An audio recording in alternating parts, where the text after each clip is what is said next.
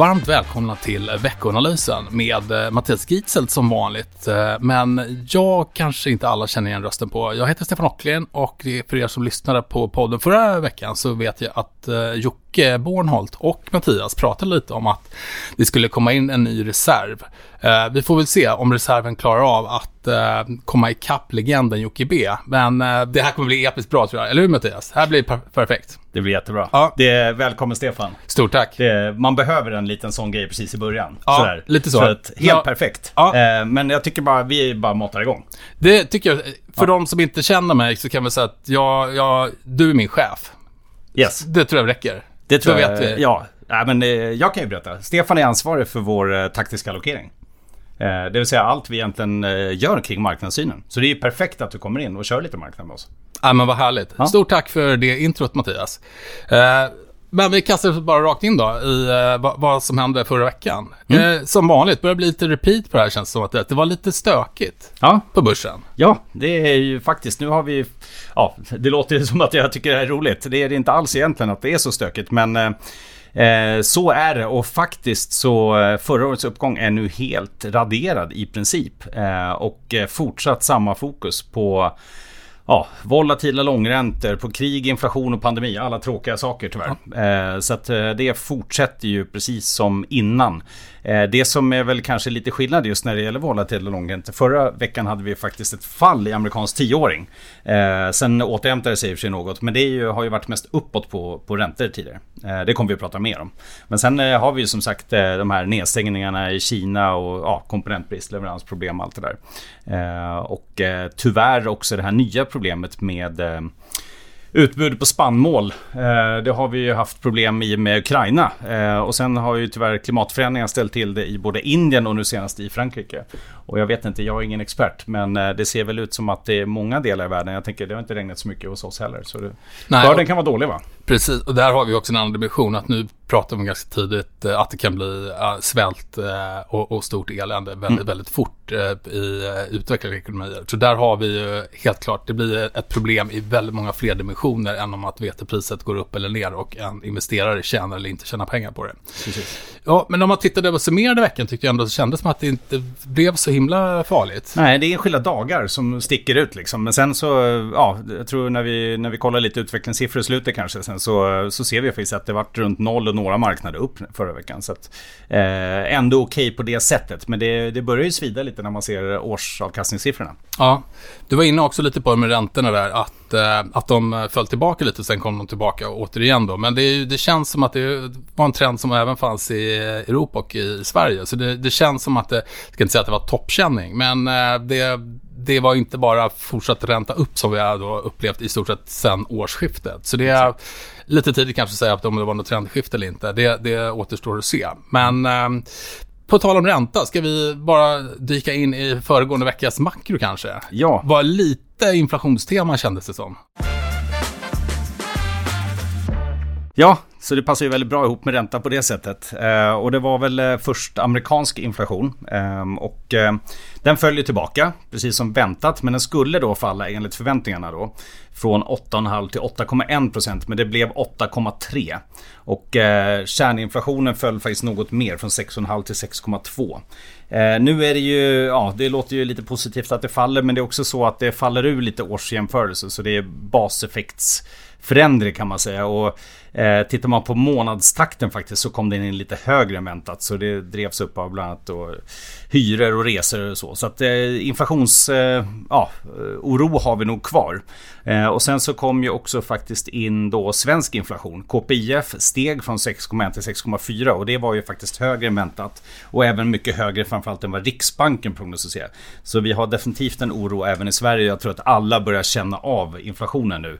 Eh, oavsett om man ska bygga på sitt hus eller vad man nu gör. Det är dyrt eh, att köra bil, det är dyrt att bygga, det är dyrt att eh, leva helt enkelt. Och eh, därför så lär vi ha fortsatt inflationsfokus även längre fram. Och den här veckan så har vi ju då Europeiska centralbanken ECB eh, som väntas höja räntan första gången på 10 år. Så att eh, där i Europa där det kommer inflationssiffror den här veckan. Eh, där har man ju också sett den här stigande inflationstrenden i botten.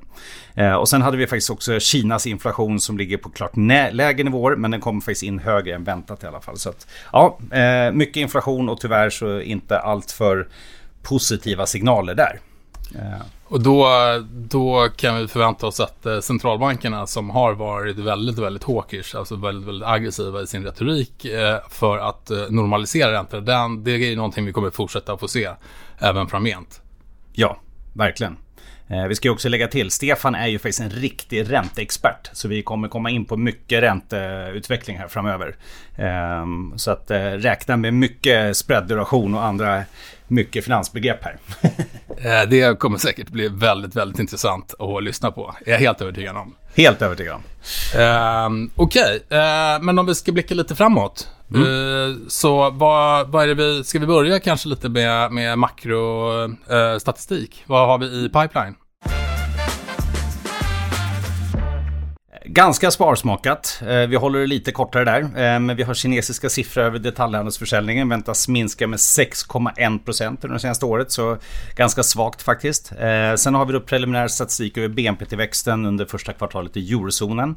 Den ser ju bra ut, de förväntningarna, det vill säga en tillväxt på 5%. Men eh, det, det, det ska man nog inte räkna med att året landar på, utan det kommer hamna snarare kring 2,5-3%. Vilket är mer i linje med trend. Men så, tillväxten håller ändå upp. Eh, och sen har vi faktiskt i eurozonen också inflationssiffror eh, och de blir ju väldigt intressanta då. De väntas uppgå till 7,5 procent. Eh, och sen har vi också tyska producentprisindex som ju är på extremt höga nivåer. För, för, april så väntas det landa på 31,4 procent och det är väl fortfarande stora frågan. Kommer det leta sig vidare till konsumentprisinflationen också? Mm. Du sa det att eh, Kinas eh, alltså tillväxttakten är ju absolut eh, på en relativt hög nivå om vi jämför med andra regioner. Men det känns ju som att det är problematiskt. Kina har ju mer eller mindre bestämt att de vill ha X procents tillväxt i år. Och det känns som att vi kanske inte riktigt kommer komma upp till det. Eh, vet inte, det är två tertial kvar. Vi har ju då ett val, som man kallar det i Kina, här i höst. Att mm. eh, den högsta chefen ska bli omvald. Eh, så jag vet inte, det känns som att, eh, att vi får leva med, eh, alltså covid eh, strategin verkar vara intakt även om vi känner att kanske Kina missar tillväxtmålet. Eh, mm. Vi har ju sett de här bilderna med en miljon båtar utanför ja. fartyg, kanske vi ska säga, ja. Eh, utanför hamnarna eh, på, på östra Kina. Det, här, det känns som att för mig är det här, det här är problem som inte vill försvinna så att säga. Jag hade hoppats på att kinesisk strategi skulle ändras lite mm. för att säkerställa att tillväxten hamnar på adekvat nivå. Mm. Även om då, som jag själv sa initialt här, är, är, är det fortfarande relativt höga tal. Men vi har ju vant oss vid att Kina är, eh, ja, klickar in på väldigt, väldigt höga nivåer. Mm. Ja men det är verkligen, och det som gör det lite intressant den här covid-strategin, för det är ju verkligen Kina som gör det, inte resten av Asien. Så tittar man till exempel de här inköpschefsindexerna vi alltid pratar om, så dyker det i Kina just nu. Men i övriga Asien så håller det faktiskt upp. Så att det är ju en eh, ja, intressant strategi som, eh, som skiljer sig helt klart. Eh, I övrigt då den här veckan, vad, vad har vi att tänka på? som sagt fortsatt fokus på volatilitet, det vill säga svängningar. Och det, de är ju på höga nivåer och eh, det är ju en mängd orosmål naturligtvis och problemet är väl just nu att det inte är enstaka problem som man ofta kan hantera ganska bra utan det hopar sig och eh, då blir osäkerheten ganska stor. Eh, så att, ja, och sen kommer det självklart till alla former av krigsnyheter kan ju skapa ny oro. Eh, nu tror jag den här veckan kommer det säkert till mediaflödet i alla fall vara en hel del kring svenska NATO-ansökan. Eh, men det är ju någonting som inte borde få någon större marknadspåverkan. Och annars så är det ju ganska tunt med nyheter. Eh, vi har en rapportsäsong. Det finns ju inte jättemånga bolag där som, som rapporterar. Några eh, större bolag, bolag som Walmart internationellt sett. I Sverige har vi Storskogen, Nibe och Adtech.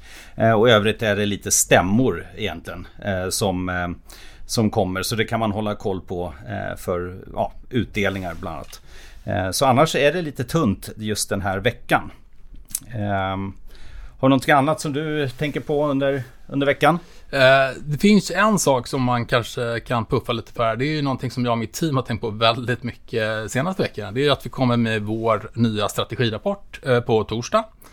Eh, det kommer vara ett event och den kommer skickas ut till kunder och den finns även tillgänglig på vår publika hemsida. Och eh, eftersom jag är lite delaktig i den så kan jag lova att det, det är intressant läsning eh, och eh, det kommer hända lite saker som, som jag tror många är väldigt, väldigt intresserade av att tillgodogöra sig. Så det, den tänkte jag helt oblygt göra reklam för här i podden. Det är helt rätt.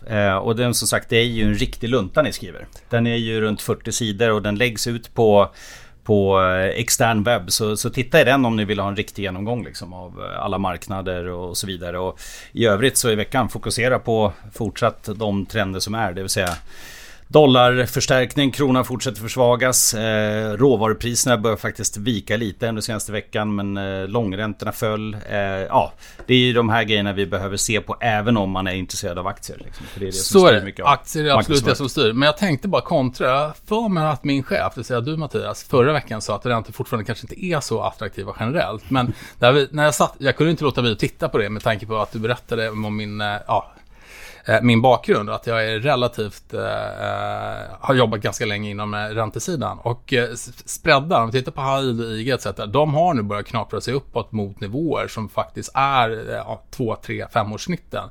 Eh, säger inte att det kanske är fantastisk avkastning man kan förvänta sig överallt. Men du, amerikansk high yield kanske ligger på 450-500 punkter. Du säger kanske får 6-6,5 punkt och sen ska du hedga av lite risk och så, eh, valutarisk. Så det börjar ändå bli att det finns flera options där ute än, än eh, aktiemarknaden. Så jag tror absolut att det är, det är väldigt, väldigt bra att mm. ha fokus på sin totala portfölj. Så att ja. du känner att du har en bra allokering och du har en normal, eller du har en adekvat risknivå som du känner att Verkligen. du kan leva med. Och sen är det vad gäller sådana här high yield investeringar, alltså företagsobligationer med hög risk eh, som vi pratade om. Det, de rör sig ju lite grann som aktier men det finns ändå ett skäl att liksom sprida det till den typen av tillgångar. Oavsett. Och jag, liksom. och jag ska säga att även investment grade, om man lite mer högkvalitativa företagsobligationer har, har vi mm. sett precis samma tendens. Här, att där börjar nivåerna komma upp och ser helt klart mer attraktiva ut än de har gjort på väldigt, väldigt länge. Dock då självklart på en lägre nivå, för det är en mm. lägre risk jämfört med till exempel high yield. Jag vet Bra. inte, är det något annat sådär som vi behöver avhandla på det här? Nej, jag tror inte det. För mig premiäravsnitt och för dig 150-50 kanske. Ja, eh, något sånt där. Någonstans där. ja. Det är alldeles lagom. Nej, men då kallar vi väl där en veckoanalys då, så hörs vi nästa vecka. Det gör vi. Tack så mycket. Tack, tack.